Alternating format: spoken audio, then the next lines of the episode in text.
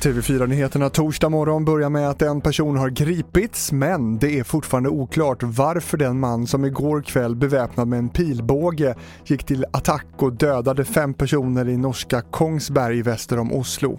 Ytterligare två personer skadades i attacken och frågan man ställer sig nu är om det rör sig om ett terrordåd eller inte. Jag förstår att många är rädda. Därför är det viktigt att understryka att politiet menar de nu har kontroll på situationen.